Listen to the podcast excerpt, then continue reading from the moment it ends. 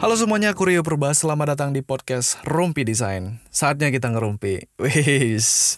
Kali ini kita bakal ngerumpiin tentang pilih nge-freelance atau kerja di studio atau agency. Um, bagi beberapa orang ini mungkin agak membingungkan ya, terutama buat teman-teman yang pengen baru nyemplung di dunia desain. Kira-kira nanti mau jadi freelance saja atau aku daftar kerja nih di studio ataupun agency. Oke, kita bahas dari persamaannya aja dulu ya. Persamaan antara nge-freelance sendiri atau kerja di studio ataupun agency. Persamaannya adalah teman-teman harus punya skill yang bagus dulu. Dan di kasus ini ya skill desain lah ya. Baik itu desain logo, ataupun desain icon, atau apa pun itu di bidang desain kalian masing-masing. Jadi teman-teman harus punya skill yang bagus.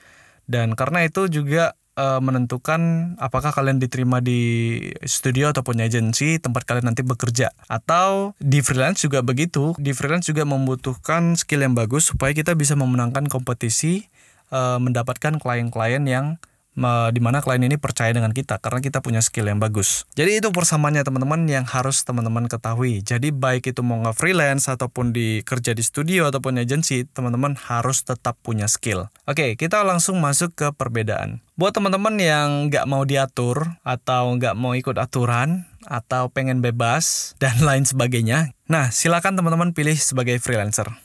Karena apa? Karena freelancer ini bebas, dia yang mengatur waktunya, kapan harus bekerja, mau di mana bekerja, terserah dia. Siapa kliennya, dia bebas memilih. Kalau ada klien yang nggak dia suka, ya dia bebas untuk menolak. Kalau klien yang dia suka, ya dia bebas untuk menerimanya. Ya nggak ada aturan ya. Semua aturan uh, freelancer tersebut yang membuatnya. Ini juga alasan aku dulu waktu aku pernah bekerja, mungkin teman-teman yang sudah ngikuti aku sejak lama tahu bahwa aku pernah jadi programmer setahun lebih hampir dua tahun aku jadi programmer dan akhirnya aku resign dari kantoran. Alasannya salah satunya adalah aku nggak kuat kerja di kantor teman-teman. Selain memang itu bukan passionku ternyata di programmer sehingga aku agak stres ya aku pengen kerja di bidangku lah di bidang yang aku suka yaitu desain sehingga aku resign. Nah alasan yang kedua memang aku nggak nggak nggak cocok kerja di kantoran sepertinya teman-teman. Karena aku setiap datang ke kantor itu selalu ditegur Pak Rio jangan pakai kaos ya sedangkan aku nyamannya pakai kaos. Kemudian aku pakai sendal terus datang terlambat. Karena di pikiranku eh, nggak e, penting datangnya cepat-cepat gitu. Yang penting kerjaan kerjaan aku selesai. Itu yang aku tanamkan di benakku pada waktu kerja dulu sebagai seorang programmer.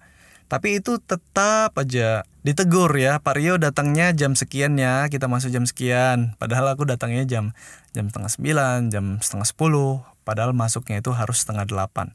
Bisa bayangin cuy itu aku jalanin setahun lebih dan akhirnya aku memutuskan untuk resign. Nah ada orang yang seperti ini ada teman-teman yang nggak bisa diatur itu ada. Mungkin memang bukan jiwanya di situ ya. Ya aku saranin kalau teman-teman yang seperti ini ya jadi freelancer aja lah. Pertimbangan nomor dua adalah gaji. Weh, ini ini ini penting teman-teman. Buat teman-teman yang masih lajang atau masih apa dibilang belum menikah, dan tahan untuk tidak banyak penghasilan di awal, ya kalian bisa jadi freelancer.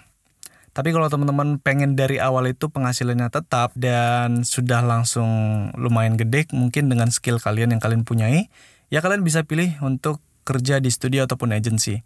Karena rata-rata ya sama seperti bekerja di perusahaan ya, teman-teman desainer yang kerja di studio ataupun agency itu kan punya standar gaji gaji tertentu dan itu digaji setiap bulan ya selama yang mereka bekerja di situ. Dan kalau bagus ya tidak sedikit memang teman-teman desainer yang mendapatkan bonus dan lain sebagainya. Berbeda halnya dengan freelancer ya penghasilannya naik turun. Dan itu aku alami dulu sewaktu ngeritis karir karena aku ya jalani semua ya. Dulu di awal ngontes dan ngontes itu juga tidak mudah kadang menang, kadang tidak. Ya kalau tidak menang ya tidak ada penghasilan sama sekali. Ya. Jadi pertimbangan nomor dua ini termasuk penting yang teman-teman pilih. Kalau kalian sadar kalau kalian punya skill yang bagus, tapi langsung pengen gitu, langsung pengen dapat gaji yang gede atau yang yang tetap setiap bulannya selalu ada pegangan atau gaji, ya kalian langsung aja pilih untuk bekerja di studio ataupun di agensi. Nah, pertimbangan nomor tiga adalah suasana kerja. Buat teman-teman yang introvert mungkin, nggak biasa di keramaian, maunya kerjanya di rumah aja atau di kamar aja ya. Ya, itu tipe-tipe freelancer sekali sih.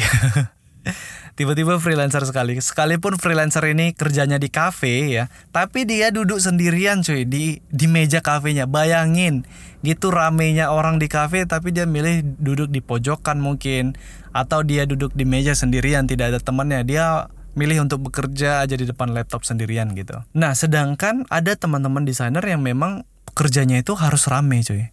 Dia harus cerita, diskusi sama timnya atau mungkin pokoknya suasananya berbeda lah. Uh, yang bisa dia buat dia nyaman mungkin suasana suasana kantor kemudian suasana teman-teman yang ramah di sekeliling dia kemudian ada tim yang untuk diajak berdiskusi.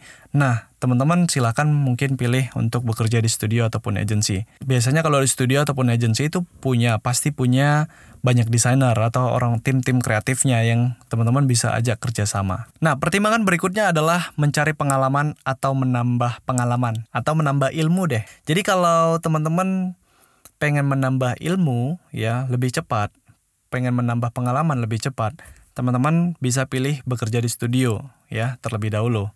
Misalnya kalian fresh graduate nih, baru tamat SMK atau kuliah dan kalian punya skill yang cukup bagus. Nah, kalau kalian pengen menambah pengalaman atau ilmu kalian di bidang desain, kalian bisa bekerja di studio. Karena apa? Karena di studio itu pasti punya kreatif directornya atau manajernya atau apa sih ya pemimpin lah lead lead desainernya bisa dibilang seperti itu dan kalian bisa sharing banyak hal tentang tentang desain bagi, dengan mereka gitu atau dengan tim teammate kalian atau teman satu tim kalian kalian bisa sharing atau bertanya banyak hal tentang desain, dunia desain sehingga kalian bisa mendapatkan ilmu lebih cepat daripada kalian berjuang sendiri sebagai seorang freelancer. Karena freelancer itu hampir tidak ada teman diskusi atau hampir tidak ada mentornya atau hampir tidak ada pemimpin yang memang tidak ada sih ya. Mereka sendiri pemimpin, mereka sendiri yang bekerja gitu. Jadi belajarnya ya belajar sendiri ya lihat YouTube atau baca artikel atau mereka beli uh, kursus atau ikut workshop dan lain sebagainya.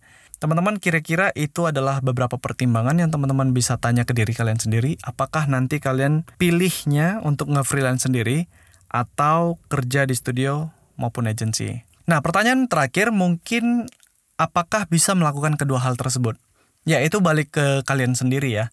Jadi mungkin dari jam 8 sampai jam 4 jam 5 sore kalian bekerja di studio ataupun agency setelah selesai nanti setelah itu sore ke malam mungkin kalian nge-freelance uh, dapat klien atau kalian ngontes atau jual desain banyak hal yang bisa kalian lakukan di dunia freelance ya.